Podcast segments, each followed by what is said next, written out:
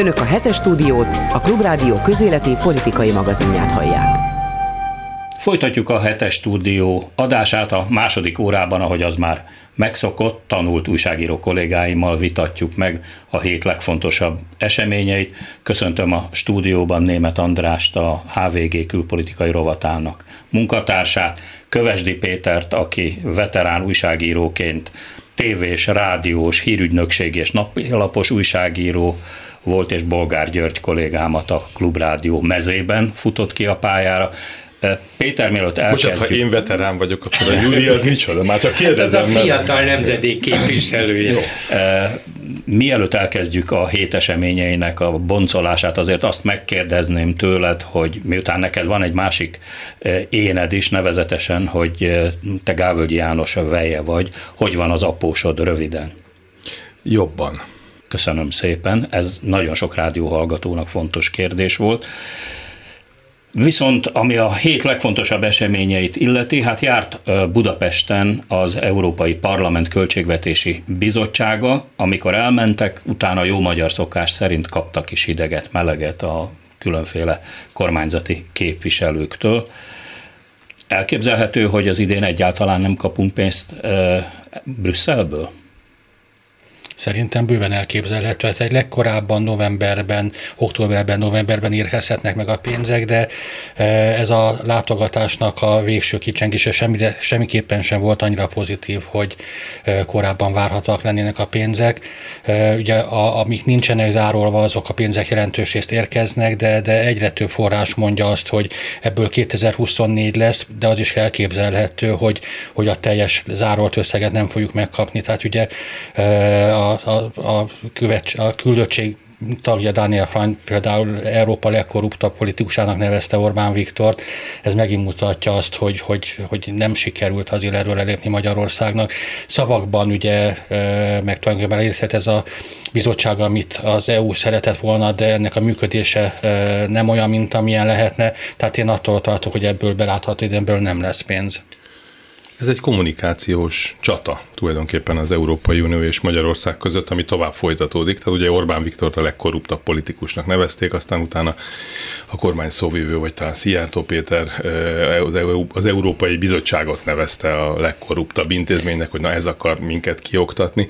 Tehát itt tulajdonképpen ez üzengetés, ez Sajnos mindenkinek jó, mert az Európai Unió, az Európai Bizottság nem fogja ezt a pénzt valószínűleg addig odaadni, ameddig ő ezt nem látja jónak. Nekünk pedig a minél rosszabb, annál jobb elvérvényesül. Tehát amíg nem kapunk pénzt, addig mondhatjuk, hogy szabadságharcunk tovább folytatódik, csapataink harcban állnak. Viszont a pénzből azért nincs elég, tehát ez azért ennek a pénznek lenne helye. Tehát én azért mégis úgy érzem, hogy valamilyen szinten ez a kormányzat be van szorulva, tehát ugye csökkennek a reálbérek, valahonnan pénzt kéne szerezni. Sikerül. Hát a gazdaságfejlesztési miniszter éppen pénteken jelentette be, hogy 2 millió, 2 milliárd 300 millió dollár összegben sikerült fölvenni hát hiteleket, pontosabban azt hiszem kötvényt bocsátott ki két magyar állami bank. Ez azt jelenti, hogy tovább adósodott el az ország. Ez, ez, ezúttal Hát körülbelül annyi pénz megy el ilyenkor kötvény kibocsátásokra, egyéb formában hitelfelvételekre, mint amennyi pénznek kellene bejönnie az Európai Unióból. És miután nem jön, valahogyan mégiscsak ki kell sámfázni ezt a rohadt költségvetést, így se sikerül egyébként, ezért aztán veszik föl magas kamatra, nagyon kedvező feltételek mellett mondják ők, de magas kamatra. Na de hát annál jobb kamat, amikor a odaadják Mikor tulajdonképpen kamatmentesen egyirányú támogatásként. De az, igen, igen, nem csak hogy kamat, az a másik, az a helyreállítási Annál pénz. jobb pénz nincs. Az, igen, ez meg ingyen, ezt vissza se kellene adni, de nem jön.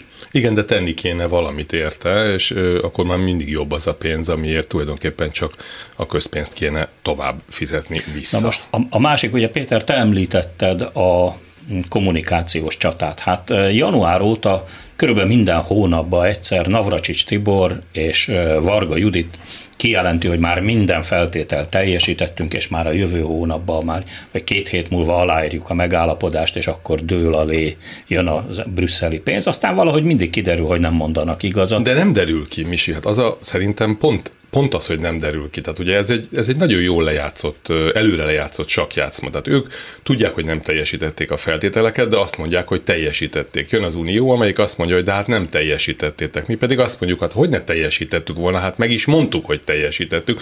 Tehát az Unió már megint nyomja krahácsot. És jönnek elő az új követelések. És jönnek elő az új követelések. Ami szintén nem igaz. Ugye az a kérdés, mert hogy ez egy kommunikációs játék, az biztos, de a fő kérdés az, hogy miért csinálja ezt az Orbán kormány, ugyanis akár játék, akár nem, akár előre, előre eltervezett, akár nem, a pénz nem jön, és hiányzik. Hogy mennyire hiányzik már az első négy hónapban 2700 milliárd, tudom nem jelent semmit a hallgatónak, 2700 milliárd volt a költségvetés hiánya. Ha így megy tovább, akkor költségvetési deficit eljárás alá fogják vonni az országot, az azt jelenti, hogy korlátozni fogják azt, hogy mit és hogyan csináljon a gazdaságban, azt Orbán Viktor a legkevésbé szereti, de a lényeg az, hogy előbb-utóbb megint belefut valamilyen akadályban, neki megy valamilyen falnak, és bár ő ezt a játékot játsza, hogy elmegyünk a falig, bele is megyünk, hát ha ledől az a fal. Na de most az az eset van, de amikor nagyot koppan, akkor azután elhallgat.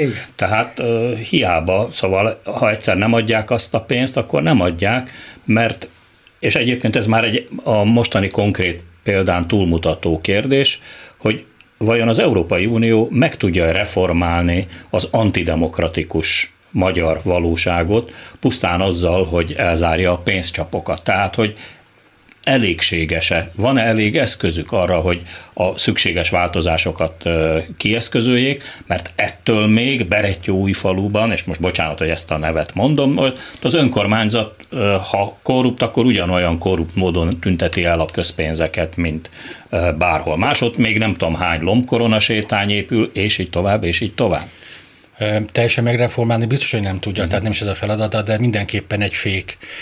Tehát én nekem régóta fix a ideám az, hogy ha nem lennénk EU tagok, akkor kb. ott tartanánk demokrácia és átláthatóság, tekintetében, mint a Oroszország. Tehát máshogy folyamatosan... Most meg mennyivel jobban vagyunk, kijött a Freedom az legújabb jelentése, és Albánia, Albánia, Montenegro és Szerbia is megelőz bennünket demokrácia szempontból. Ami tragikus, tehát ugye legutóbb voltam Szerbiában, ott tényleg van ellenzéki sajtó, sokkal inkább, mint Magyarországon. Persze a szerbek is panaszkodnak arról, hogy nincs, mert azért Alexander Vucic sem egy demokrata világbajnok, de valóban érezhetően jobb a demokrácia helyzet, mint Magyarországon.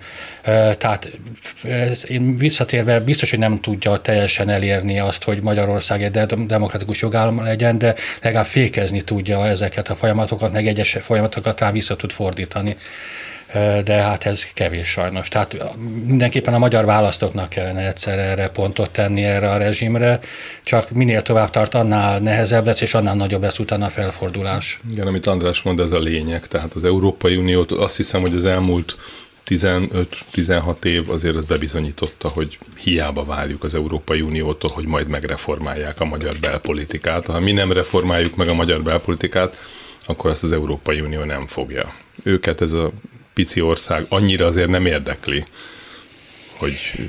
Meg az, hát meg az... ahogy vesszük, mert az Európai Unió működését viszont nagyon hatékonyan tudja gátolni és zavarni a magyar diplomácia, ugye mondjuk Szijjártó Péterrel az élen. De ők meg tudják tenni, amit nekik ahhoz kell, hogy ne zavarja őket nagyon ez a dolog. Tehát ők azért könnyebben hát... hoznak olyan döntéseket, amely mondjuk például a magyar vétót azt kizárja bizonyos kérdésekben. Meg azért változik az EU, tehát nekem olyan érzésem volt, hogy amikor ugye 2004-ben beléptünk, akkor egy olyan klubba léptünk be, amelynek az értékeit magunkénak vallottuk.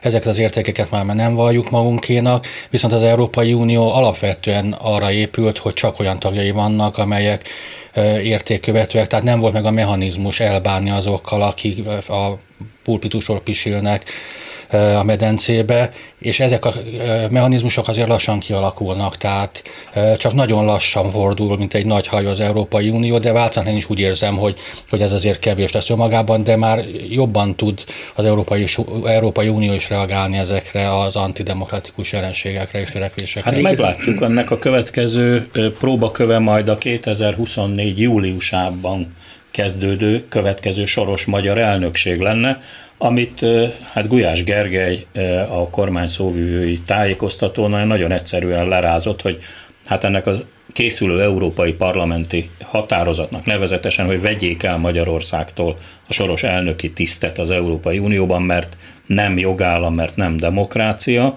ergo nem alkalmas az Európai Unió szervezetének a hat hónapon keresztüli vezetésére, ők azt mondták, hogy hát ennek semmi jelentősége nincs, mert az Európai Parlamentnek annyi jogköre van ilyen ügyben, mint mondjuk a Bakui Parlamentnek, az Azeri Parlamentről beszéltek, holott én úgy gondolom, hogy az Európai Parlament, ha hoz egy ilyen döntést, akkor az Európai Bizottság nem tehet mást, mint hogy ezt kénytelen betartani. Nem, nem, nem, nem, nem, nem megtárgyalni. Nem is az Európai Bizottság. Nem is döntést hoz az a parlament, Európai hanem Tanács. Igen. igen. Az Európai Tanácsnak, ha fog, nem tudjuk, de tegyük föl, hogy meg mhm. lesz a többség hozzá, fog tenni egy ajánlást az Európai Parlament, hogy ne bízza Magyarországra az elnökséget, mert ez egy antidemokratikus ország.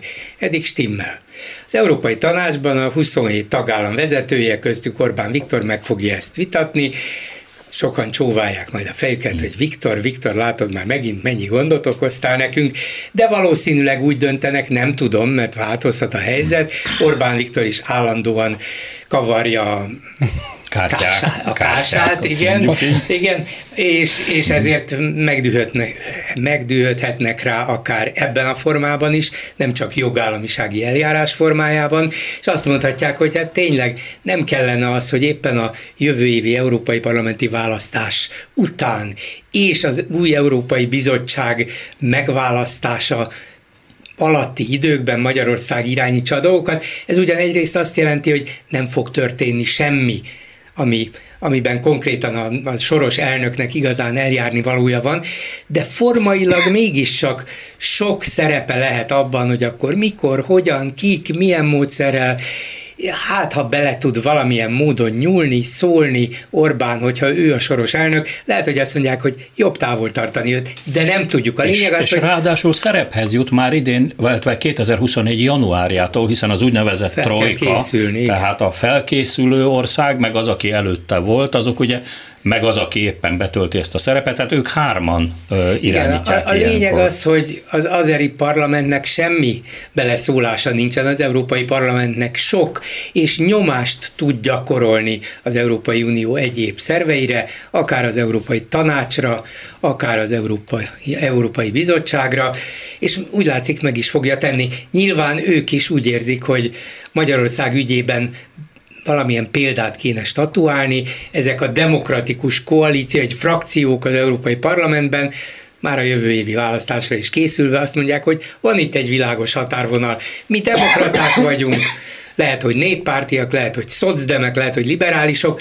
de ez azon kívül van, úgyhogy tessék már őt megfogni. Hát meglátjuk, hogy ez mi lesz ennek a vége. A héten Ugye a magyar költségvetésről már bizonyos fokig beszéltünk, hogy Varga Mihály ezt bejelentette a kormányinfón. Számomra nem is a számok voltak érdekesek, mert mint ahogy ezt az utóbbi években látjuk, ezeknek az égvilágon semmilyen jelentőségük nincs, mert úgy is majd lesz, ahogy lesz, semmi köze nincs a most beterjesztett tervezetnek a valósághoz.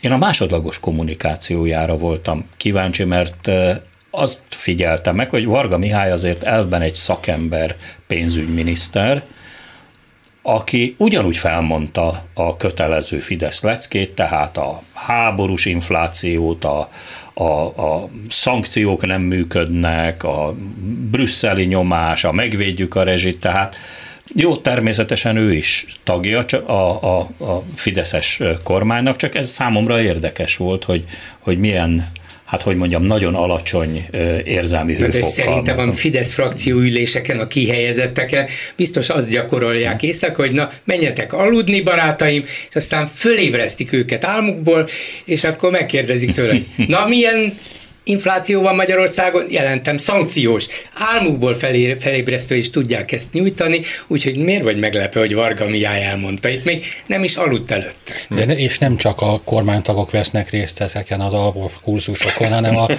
a, a kormányzati sajtó is. Tehát nagyon tetszik az, hogy ma mond valamit egy miniszter, és holnap-holnap után a, a kormánypárti médiumban szó szerint a véleményírók megírják ugyanezt, tehát súlykolják még egy kicsit, tehát ezért egy sokkal bővebb hadművelet. Hát, és ha ugyanez a véleményük, hát nem merül benned, hogy... Nem, a, a, de hogy szóról szóra ugyanez legyen a vélemény. András, ne legyél ennyire álnaív, te is, meg én is éltünk egy olyan országban hosszú időn keresztül, ahol a központi pártlap kiadta, hogy mi az irányvonal, és heteken belül államvizsga tétel volt tudományos kommunizmusból, meg is szűnt az az ország, Igen. illetve jelentősen átalakult, Szovjetuniónak hívták, és ugye amit a Pravdában ott a vezércikben megírtak, azt utána mindenki szinte kórusban, mint a görög drámákban úgy, úgy mondta vissza. Igen, viszont az a baj, hogy ez a széthullott államszövetség 15 tagköztársaságból, ez most a legnagyobb tagköztársaságban jön létre újra. Tehát én azt kell, hogy mondjam, hogy szinte nagyobb a diktatúra most Oroszországban, mint a Szovjetunióban volt. Tehát amikor letartóztatnak egy apát azért, mert a lánya békepárti üzenetet küldött el, a rendőr azért, mert egy ukrán zászló színeiben pompázó cipő van rajtam, azt kell mondjam, hogy, hogy tényleg olyan érzésem van, hogy a Putyin rezsimnek sikerül lassan túlszárnyalni Oroszorsz, a Szovjetuniót, és az a legnagyobb tragédia, hogy ennek a putyini Oroszországnak mi egy eléggé dörgölődző szövetséges nem mondok, de hogy barátjai vagyunk, az biztos, és ezt egy nagyon szégyellem, és nagyon károsnak tartom a magyar érdekekre nézve. Hát ugye arról nem is beszélve, hogy szintén a héten jött ki az a hír, hogy most Alexei Navalnyit, az egyik leg híresebb, a legjobban ismert orosz ellenzéki politikust, aki már két éve börtönben ül, a börtönben eltöltött ideje alatt megvádolták terrorizmussal, meg én nem tudom micsodával, úgy, hogy hát nem volt módja elkövetni a dolgokat, tehát teljesen abnormális, teljesen, ami Oroszországban zajlik, az, az ha nem lenne tragikus, azt mondanám, hogy olyan, mint egy ilyen Kafka regény. Hát Orwellinek mindenképpen nevezhető, Abszolút. tehát a, a háborút különleges hadjáratnak nevezik, az Oroszország által indított háborút Oroszország elleni háborúnak nevezik, tehát itt ez tényleg egy orveli társadalom, ugyanezzel a megfigyeléssel, egy kiterjedt arcmegfigyelő rendszerrel, tehát ez egy modern, kori orveli diktatúrává fajul sajnos Oroszország. És itt Európában egyetlen ember van, aki ha nem is Oroszország, de a béke barátja, és az bagarja. Ja nem, Orbán. Egyébként, ahogy ti is, én is tanultam kint a Szovjetunióban, én csak rövid ideig, de Én eh, nem. Te nem. Hát csak Misére meg Andrással nézek. Sajnos igen. Hogy, igen, olyan sápat. Igen. Hogy, hogy annak idején azért a Szovjetunióban, a Szovjetunióról számos vicc született. Ma pedig én nem nagyon hallok Putyin vicceket, vagy a szovjet, az, hát, az orosz rendszerről szóló vicceket, ma már inkább, inkább tragédia, mint, mint komédia. Sajnos ez, igen, egyáltalán nem vicces, igen. ami ott, ott zajlik.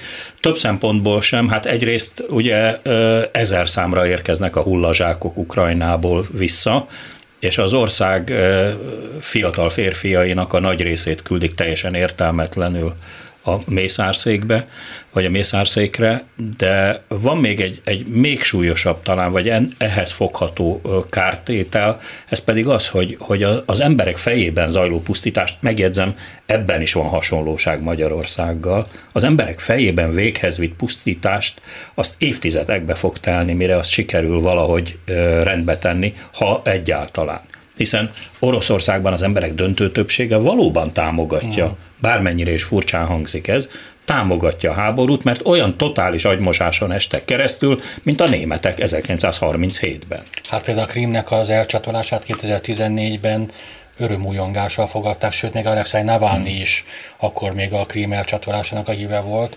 E, tehát igen, az orosz társadalom... Ezért Navalnyi is egy orosz nacionalista. Pontosan onnan indult, és ezt, ezt általában illik elfelejteni, de nem is szabad elfelejteni, csak e, ő is megváltozott, majd Magyarországon is ismerek olyan politikusnak, viszont liberálisból változott, tehát e, népnemzetivé.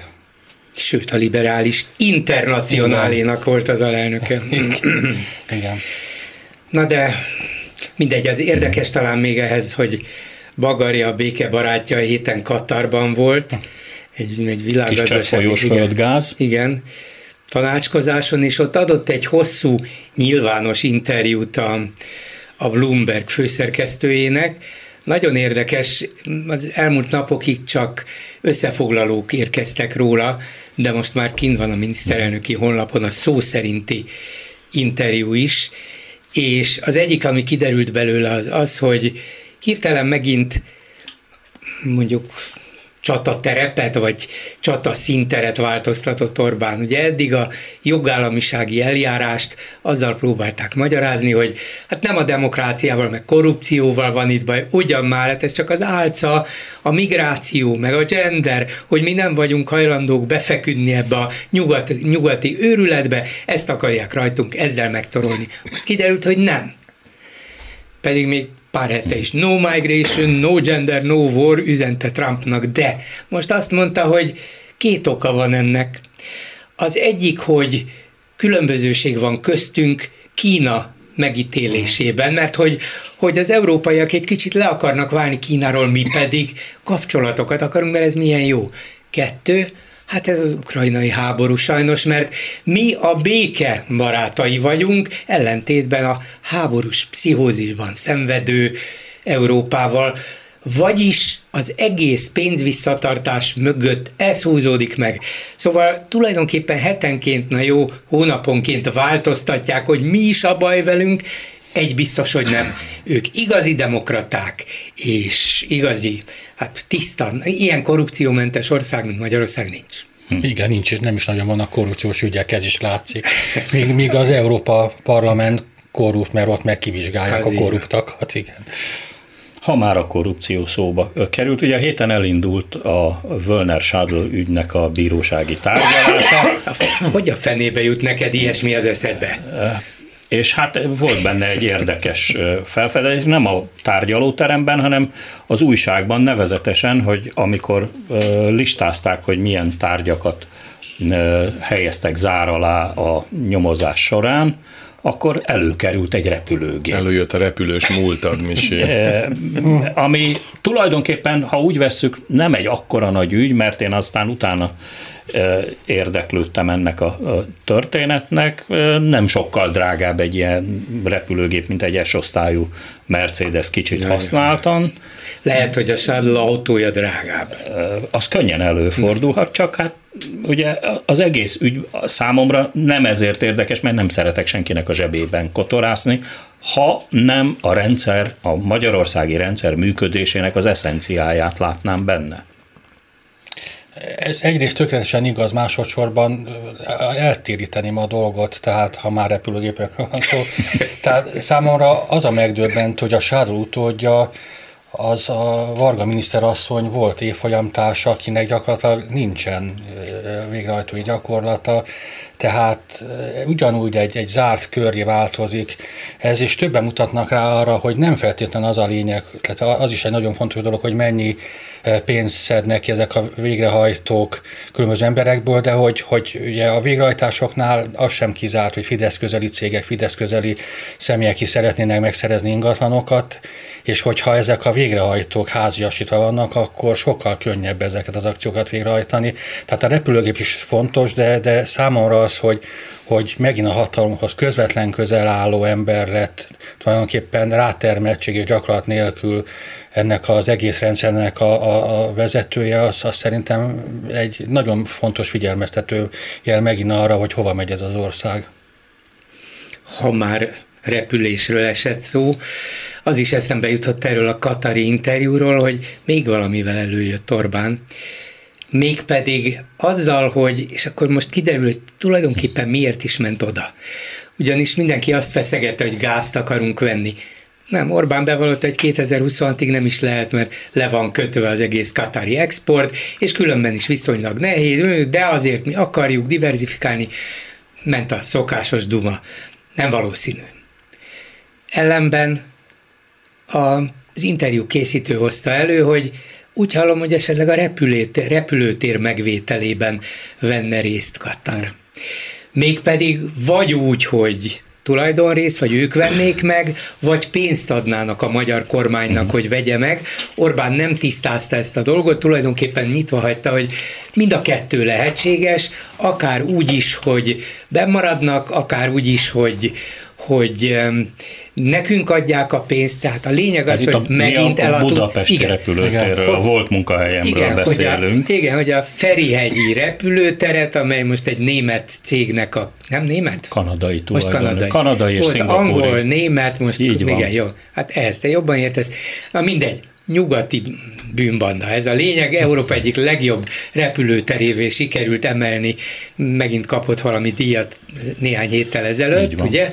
A lényeg az, hogy ezek értenek hozzá, ez a dolguk, ezt csinálják sok más repülőtérrel, mi pedig vissza akarjuk vásárolni, ez legalább ezer milliárdos, korábbi hírek szerint akár 1500 milliárdos tétel volna, ilyen magas költségvetési hiány mellett, ilyen eladósodottság mellett tiszta őrület, ha csak nincs benne nekik személyes üzletük, de képesek volnának még tovább eladósodni, és Katárt bevonni, mert Katár olyan megbízható demokratikus partner, hogy sokkal jobb, ha ő irányítja a repülőterünket, mint holmik kanadaiak, nem? Egész biztos, hogy nem szakmai befektetőként akarják Katart, legalábbis úgy gondolom bevonni ebbe az üzletbe, hanem pénzügyi befektetőként, aki majd ad pénzt, és aztán ezt majd később mi meg, mi meg felhasználjuk. Visszafizetjük majd nekik. Ez egy ilyen fixa ideája valamiért az Orbán Viktornak személyesen, hogy a budapesti repülőteret ő szeretné visszavásárolni a magyar állam számára.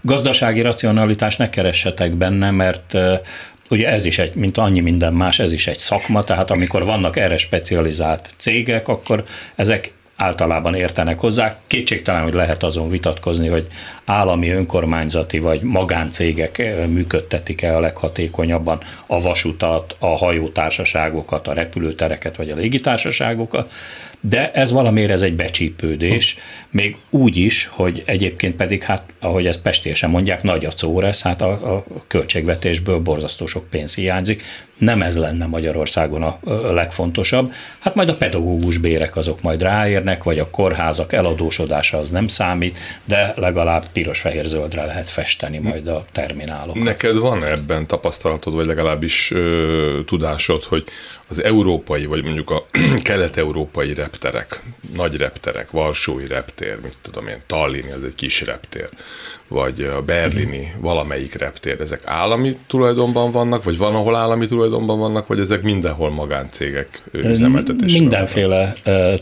tulajdonforma létezik, tehát van, ahol a tartományi vagy városi tulajdonban van, van, ahol a egy magáncég, mondjuk Düsseldorf és Hamburg például olyan, hogy a város fele részben tulajdonos és fele részben egy magáncég irányítja, de ugye mindenütt ezt kiadják alvállalkozóknak, tehát alvállalkozók működtetik. Ez valószínűleg itt is így lenne. Hát nem? most is így van. De úgy értem, hogy ha a magyar állam Csak... valamilyen módon tulajdonrészt szerezne benne, attól nem tanulna még meg repülőteret irányítani vagy működtetni. De lehet, hogy megpróbálná. Kicsi, kicsi a valószínűség. Hát, az, nagyon, az, az egy nagyon nagy rizikó.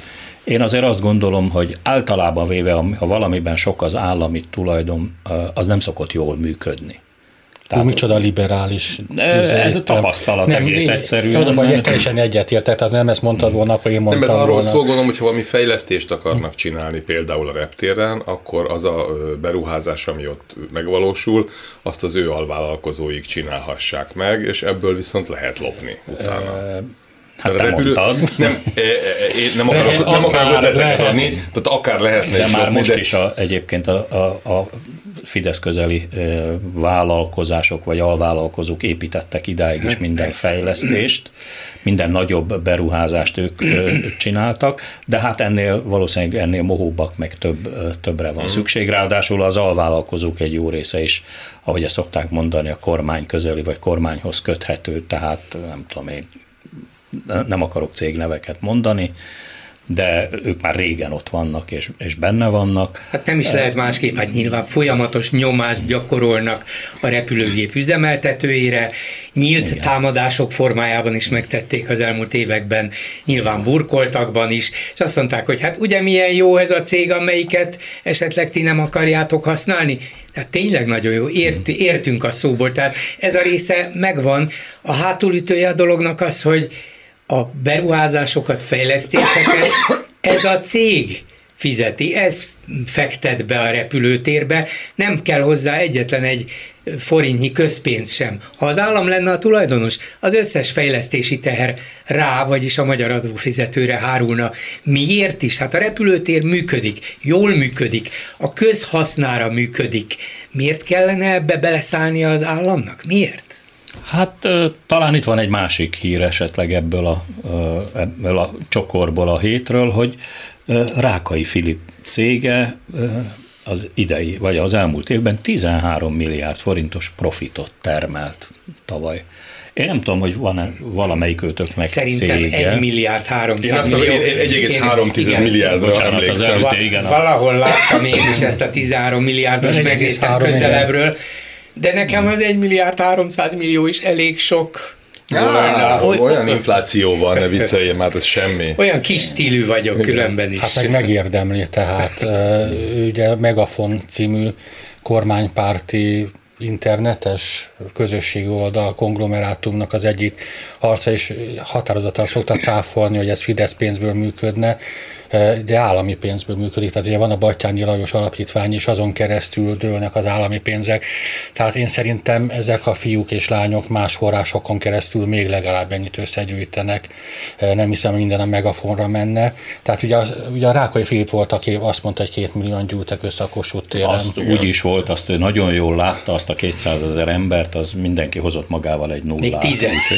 Ja, ez, na, ez nagyon jó. Tehát ő azért megdolgozik, és néha szoktam nézni egy-két ilyen kormánypárti tévét, és azért értékes gondolat, gondolatokat tud felvetni. Tehát De lássátok be, hogy, hogy ezek hatékonyak. az a baj, hogy igen, és ez a tragédia. Ez, ez egy nagyon-nagyon szomorú felismerés, hogy hülyének nézik az olvasót, a hallgatót, a tévénézőt, de sajnálatos módon ez a történet, ez működik József Goebbels legjobb receptjei szerint. Itt, itt ilyenkor szoktam mindig elsütni, az a baj, ez nagyon sokszor felmerül az én környezetemben is, hogy, hogy az emberek jelentős része elhiszi ezt. Tehát eh, van a Tatjana Stanovájó nevű, nagyon ismert, nagyon jó orosz politológus hölgy, aki egyszer azt mondta, hogy egy hétig úgy döntöttem, hogy csak az orosz állami tévét, rádiót és internetet fogom használni, vagy hallgatni és olvasni, és egy hét után már majdnem elhittem.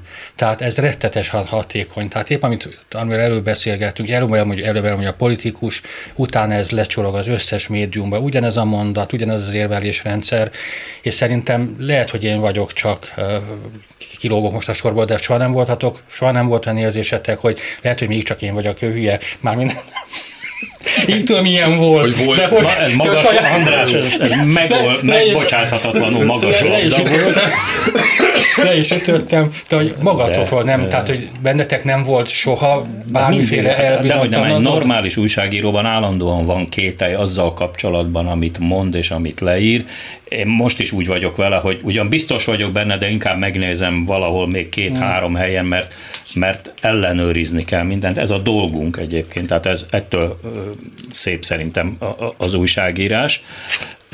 Amikor valakinek készre gyártott paneleket kell elmondania, az nem újságírás, a az, propaganda. Az, az, az egy propaganda, az egy másik szakma. Ja. Tehát ahogy, ahogy ugye egész más az agysebész, és egészen más csinál a fodrász, pedig mind a kettő fejjel foglalkozik, hát azért nem ugyanaz a kettő, mint ahogy én azt gondolom, hogy ez, ez érvényes egyébként az újságírásra is, és hát a rádióhallgatók közül talán kevesen néznek orosz köztévét, de hát ami ott zajlik, egész egyszerűen, ahol, ahol az ottani kommentátorok habzó szája mondják azt, hogy mi lenne, hogyha atombombát dobnánk Nagy-Britanniára. Meg hogy dobjuk is le. Igen, Hát, tehát ö, egészen De hát még hagyja, hogy az ottani kommentátorok mondják, hát persze nem véletlenül mondják, szólnak nekik, hogy mondják, de Medvegyev az, aki minden héten előjön valami kifejezett atomfenyegetéssel, hogy hogy fogják elpusztítani Berlint, vagy Londont, vagy hogy képzelik el. Orosz szóval Ausztradíren. Igen, igen.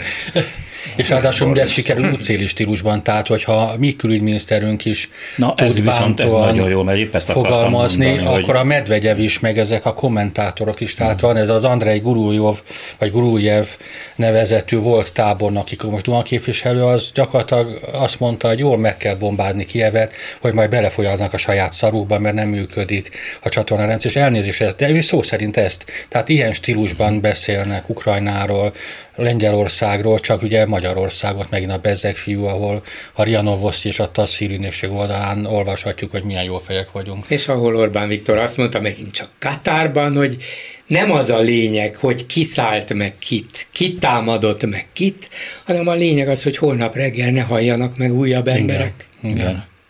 Köztünk szóval láttatok már pontokba szedett, vagy értelmes olyas, olyan írományt, amit béketervként lehetne azonosítani magyar részről, mert magyar én, magyar nem, tehát az, az üres békeszólamokon kívül, és Hát ezt már egyszer itt a klubrádióban is elmondtam, hogy ez azt is jelenti Ukrajna esetében, hogy béke poraira, ez a mm. magyar béketerv. Hát meg a kapituláció. Úgyhogy, kapi, de, de e- e- ennek, ez nem, ez nem véletlen, hogy nincs ilyen, mert hogyha lenne ilyen, azt számon lehetne kérni. Tehát akkor arra azt lehetne mondani, hogy hogy és milyen lépésekkel lehetne ezt meg ezt végigcsinálni, és akkor kiderülne, hogy na, ezt semmilyen lépésekkel nem lehet.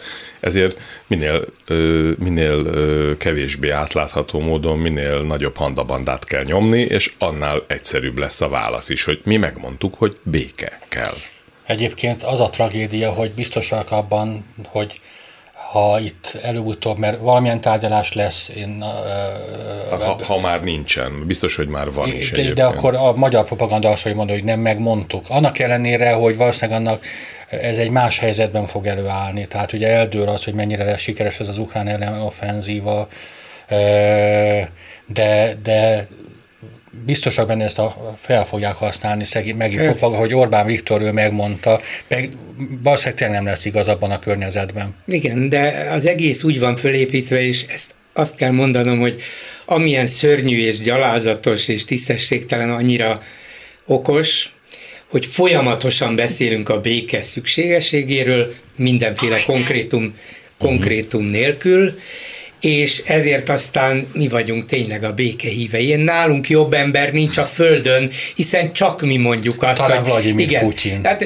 igen, de, ő nem, beszél, de ő nem beszél a békéről, mi viszont beszélünk a békéről, ez az egyik, tehát előbb és előbb-utóbb igazunk lesz. A másik viszont állandóan figyelmeztetjük a magyar népet arra, hogy itt a világháború. Hát már küszöbön áll. Hát az amerikaiak, amit csináltak, az angolok, amit mondtak, amit Németország, amit Zelenszky, amit Zelenszky, igen, hogy Zelenszky mire vettem, de hát a világháború küszöbön áll. Nincs, nincs nap, hogy a, a Fidesz sajtóban ez ne hangozzék, ne íródjék le, folyamatosan, és a Fidesz által alkalmazott úgynevezett szakértők nem mondanák el, teleszájjal, nyilván központi utasításra, és ugye minden reményünk szerint és minden valószínűség szerint nem lesz világháború, azért a NATO és az Egyesült Államok igyekszik erre vigyázni. Ha pedig nem lesz, Sőt, akkor... hát volt a héten egy olyan furcsa akció Bielgorod környékén, ahol magukat szélső jobbosnak tituláló orosz katonák betörtek Oroszország területére, és aztán onnan nagyon gyorsan kipaterolták Én nem őket. Benne hogy kipaterolták őket, tehát most olvastam mm. olyan híreket, hogy, hogy, hogy ez nem 70-100 ember volt, hanem sokkal több, és hogy sokan bevetették magukat ilyen erdőkbe, üres házakba. És a, a, a Briansz környéki erdőkben ennek igen, igen komoly hagyománya van. A és, és jött a barkőr, és mindenkit kizavar. Ez nem, sajnos ez nem olyan vicces, ez egy reális, ez egy valódi. Nem, ez, ez tehát engem nem, tehát, és azért ott vannak ukrán érzelmű emberek is ott Belgorod környékén, tehát ez nagyon közel van a határhoz. És hát Én... nem, azt sem lehet kizárni, hogy Ukrajnában orosz anyanyelvű, orosz nemzetiségű emberek uh, Ukrajnához húznak. Nagyon sokan Igen. vannak ilyenek. Hát és még azt se lehet kizárni, mm. hogy esetleg mindezt az ukrán hadvezetés Támogat, tudtával, persze. támogatásával és így tovább, semmit nem lehet kizárni, de azért abban nagyjából remélhetőleg biztosak lehetünk, hogy világháború nem fog nem. ebből kirobbanni. Ha viszont a világon egyetlen országként, mert sehol ilyen nincs, sehol, Magyarországon minden nap azzal ijeszgetik az embereket, rémhírterjesztők, kormányzati rémhírterjesztők, hogy küszöbön áll a világháború, és a végén minden valószínűség szerint mégsem lesz, akkor ki az, aki megmentett minket ettől? Orbán hmm. Viktor, aki minden nap figyelmeztette a világot arra, hogy eddig és ne tovább. És a végén, végén sikerült neki ezt is elérni. De ez egy olyan játék, amiben csak, csak igen, mi nyerhetünk, igen, hiszen igen, ha igen. háború lesz, akkor megmondtuk borzasztó, igen. ha nem lesz háború, akkor, akkor megmondtuk. Azért mondtam, hogy, hogy ezt nagyszerűen tudják csinálni, aljas, tényleg átlátszó is minden, tudjuk, hogy mire megy ki az egész, és mégis működik. Az a kérdésem csak, hogy ezt mi négyen, akik nagyon okosak vagyunk, tehát négyen bar baromi okosak vagyunk. Ha mi ezt tudjuk, akkor mi van a maradék 9 millió emberrel az országban, az miért nem tudja? Mert ez egy nagyon jó hívószaz, hogy legyen béke. Tehát én szerintem a magyar társadalom alapvetően tényleg békepárti, ezért nem nagyon csinálunk forradalmakat. Én meg még egy dolgot hozzátennék, hogy azért az emberek nem gondolkodnak el olyan mélyen a napi híreken hogy vajon mi lehet a háttérben. Tehát a, a normális ember az ugye Tudom, be, bemegy az önkormányzathoz pecsételni, a másik elmegy permetezni a mezőre, a harmadik pedig elmegy, nem tudom én, karosszéria lakatosként dolgozni egész nap, és nem gondolkozik ilyen ügyeken, mint ahogy Hát számomra ez, ez a leg, leg, legszebb történet, hogy embercsempészeket engedünk ki a börtönből. Ez ismert recept egyébként, ugyanaz, amit Erdogán csinált a szíriai menekültekkel, amikor az Európai Unióval alkudozott, és közben pedig az M1 vagy a Kossuth Rádió híreiben ma hallom, hogy embercsempész hálózatot fogtak el Magyarországon, és állítottak bíróság elé. Hát akkor, és ez a kettő, ez egy gondolom én egy Fidesz szavazónak a fejébe békésen megfér egymással, mert ugye azt mondták fönt a nagyokosak, hogy 5 millióba kerül egy ö, embercsempész a, börtönbe. Én ennek alapján ugye ezt a számot senki nem ellenőrizte, de hát ennek alapján akkor a Marriottba vagy az Interkontinentálba lakik egész hónapban, mert Igen. hát gondoljatok bele, hogyha három smasszert állítanak mellé, azok nem kapnak egy millió forintos fizetést, még mindig marad két millió. Tehát és tessék végig gondolni ezt a hülyeséget, amit próbálnak nekünk eladni. És ha azt mondjuk, hogy a leg, még mindig a legnagyobb probléma a migráció, tehát messze a legnagyobb probléma a migráció, amit azon kívül, hogy a soros szervezetek pénzelnek, hát ezek a nyomorult embercsempészek hajtják végre, akkor meg mi végre engedjük el azokat az embercsempészeket, akik, ami legnagyobb problémánkat okozzák, ha csak nem azért, hogy legyen, aki ezeket a problémákat fenntartja, hiszen ha nincs, aki fenntartja a problémát, akkor abban a pillanatban a nincs probléma. Hát kellene küldeni Bakondi Györgyöt, a miniszterelnök közbelbiztonsági tanácsadóját. Hát mit csinál ő az unokáit, fogja terelgetni akkor a játszótéren? Megfejtettük. Attól tartok, hogy megfejtetted. Tehát szerintem ez a leglogikusabb válasz, és a legcinikusabb válasz is, de attól tartok, hogy ez, ez, ez, ez valóban igaz, hogy kezdtek kifogyni az embercsempészek. Nem, azt nem hiszem, szerintem ez egy jól fizető szakma, és vannak menekültek, menekülők is, úgyhogy mindig lesz utánpótlás. Nem, én inkább azt gondolom, hogy Orbán már ilyen eszközökhöz nyúl, és akkor visszatérek a mhm. beszélgetésünk legelejére, az Unióval folytatott, elhúzódó és remény, egyre reménytelenebbnek látszó vitájához. Ide figyeljetek, tudok én még ennél is kellemetlenebbet csinálni nektek, Igaz, hogy a migráció a fő kérdés, de rátok szabadítok ezer ember csempészt, majd elmennek Ausztriába, jó, elvileg nem oda kéne nekik menniük, de nem fogjuk ellenőrizni. Lehet, hogy Ausztriából fogják intézni a következő hát. nagyobb szállítmányokat. Értitek, hogy mit tudok én nektek okozni? Értjük, értjük. Úgyhogy talán rendezzük végre közös dolgainkat. Ez a mi munkánk nem is kevés, mondja a művelt Orbán Viktor Brüsszelnek. Én azért azt gondolom, hogy, hogy azzal az embercsempésszel, akit kiengednek a börtönből, és elindul Szerbiába vagy Romániába, azzal mi készítünk interjút, ezt megígérhetem, mert hát legalábbis idáig, ugye az osztrák határ, az egy légnemű határ volt, tehát időnként elrendelt extra ellenőrzéstől eltekintve egy csomó helyen a két szomszédos falu között ugyanúgy át lehetett menni, mint nem tudom én Dunaharaszti és Alsó Némedi között, tehát nem volt semmilyen határőrizet, ha csak nem az a célunk, hogy ezt visszaállítsák. Egyébként így a beszélgetés alatt azért azt elfelejtettem mondani, hogy Kövesdi Péter az allergia szenvedők egyik népes táborát is képvisel itt az asztal körül. Igen, amikor kérdezted az elején, hogy hogy van apósom, az ő jó, de én milyen rosszul vagyok. azt, azt nagyjából látjuk. Szóval azért elég rendesen össze tudtuk rúgni a port Ausztriával is, behívatták ugye a magyar nagykövetet, Nagy Andort a Bécsi külügyminisztériumba, hogy ez mégis hogy van. Aztán a, azt hiszem talán éppen az Inforádióban hallottam, hogy hát de ő mondta, hogy de hát a, a, a brüsszeli nyomás, meg hát a meg hát az, hogy az embercsempészek eh, börtönben tartását azt nem fizetik. Mondom, az az érzésem, hogy Orbán kezdi elveszteni ebből a szempontból a fejét, és bár képes előre tervezni és gondolkozni, sokszor nagyon is, de itt azt mondja, hogy elég volt, nem számít az se, hogy az osztrák néppárti kormányjal jóban van, néha mert kancellárral éppen migráns ügyekben többször lépett föl demonstratívan, hogy a szélső jobboldali osztrák ellenzékkel, amelyik mhm. most a legnépszerűbb osztrák párt, kiváló kapcsolatokat tart fönn, és abban bízik, hogy majd ők nyerik a következő választást, és ők aztán tényleg bevándorlás és migráns és menekült ellenesek, mert mind a kettő, a néppárt is, meg a szabadságpárt is azt mondja, hogy hát de mi ez? Hát mi, ránk keresztitek ezeket? És akkor meg kell erősíteni a határvédelmet Magyarországnál, szóval mintha nem gondolná végig, amit nyilván tud ő is, hogy de hát akkor az osztrák barátaink, szövetségeseink majd fel lesznek háborodva nem érdekel, akkor is megcsináljuk, valahogy így működhet ez. Biztos, hogy nem Pintér Sándor találta ki, hogy tudjátok mit, engedjük szabadon ezeket. Ilyeneket Orbán Viktor hagy jóvá, az is lehet, hogy ő találta ki. Hát nem se, bocsánat, nem, nem semmi, sőt, tehát, hogy ha, ha ezt akartuk volna, vagy Orbán Viktor akarta volna, akkor ezt titokban is meg lehetett volna tenni. Tehát lehet, hogy soha nem tudtuk volna meg, hanem valami oknyomozó portált öt év múlva ezt kihozza, hogy elengedtünk ezer ö, embercsempészt, de nagyon is akarták, hogy ez kiderüljön. Tehát, hogy ez egy, ez egy teljesen nyilvános akció volt, és ez azt erősíti, amit, amit Gyuri mondott, tehát, hogy ez egy zsarolási pozíció, és, és azt, azt használjuk.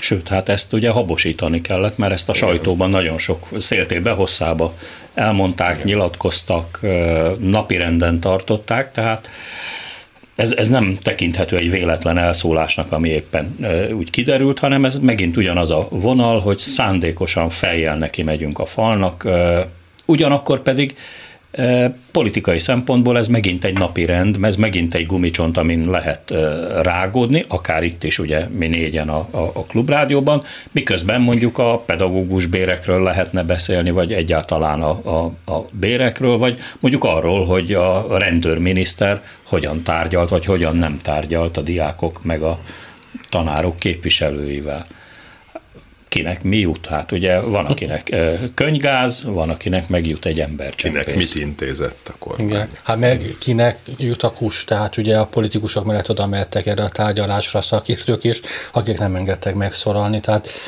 elég katonásan viselkedett a belügyminiszter,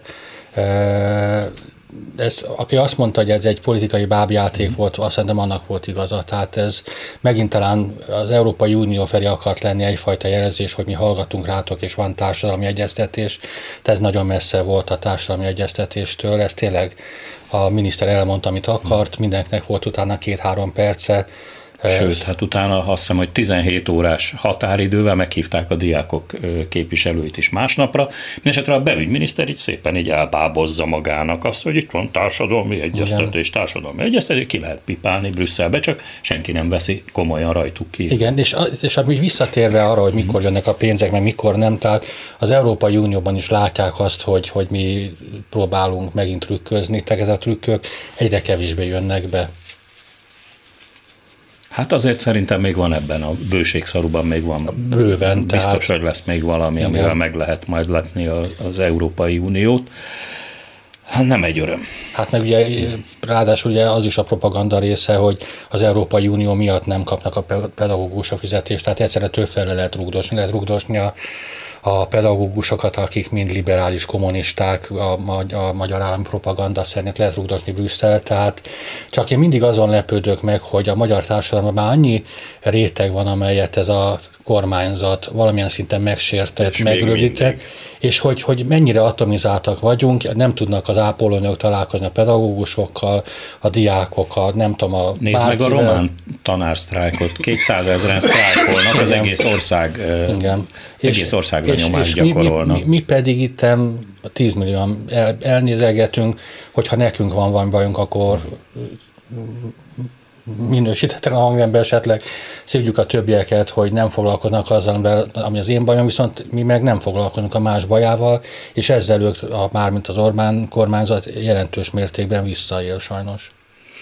Végül is az történt, hogy Orbán Viktornak sikerült megbabonáznia a magyar társadalom felét is. Akármit mond, akármit csinál, akárhogy mondja és akárhogy csinálja, ez a fele a társadalomnak, ami bőven elég a ez folyamatos választási győzelemnek parlamentben. Kétharmad az is elég.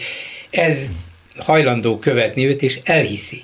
A másik oldal pedig egyrészt babonázni sem képes, másrészt nem tud egységesen fellépni, hiszen 6-7-8 felé van szakadva, ami természetes, hát miért kellene egy hangon szólnia, sokféle egy társadalom, sokféle érdekkel, de Orbán olyan rendszer dolgozott ki, hogy az egyik oldal egységes, ráadásul vaskézzel irányítja ő, és meg is tudja bolondítani a szavazóit, a másik oldal meg az egyik ezt mondja, a másik azt mondja, az egyik szimpatikus, a másik nem, az egyik ilyen ügyben keveredik vitába a másikkal, a másik amolyanba az m úgyhogy a dolog lényege az, hogy oszd meg és uralkodj, uralkodik a társadalom fele, fele fölött, és a másik fele fölött meg úgy uralkodik, hogy megosztja őket, és ezek kénytelenek így is az igába hajtani a fejüket.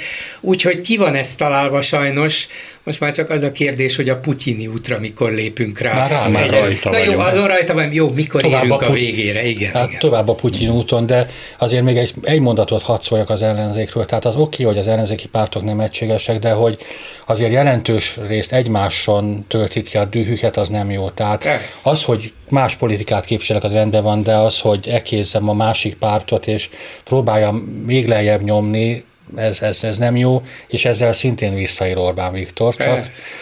Ez egy nagyon szomorú dolog.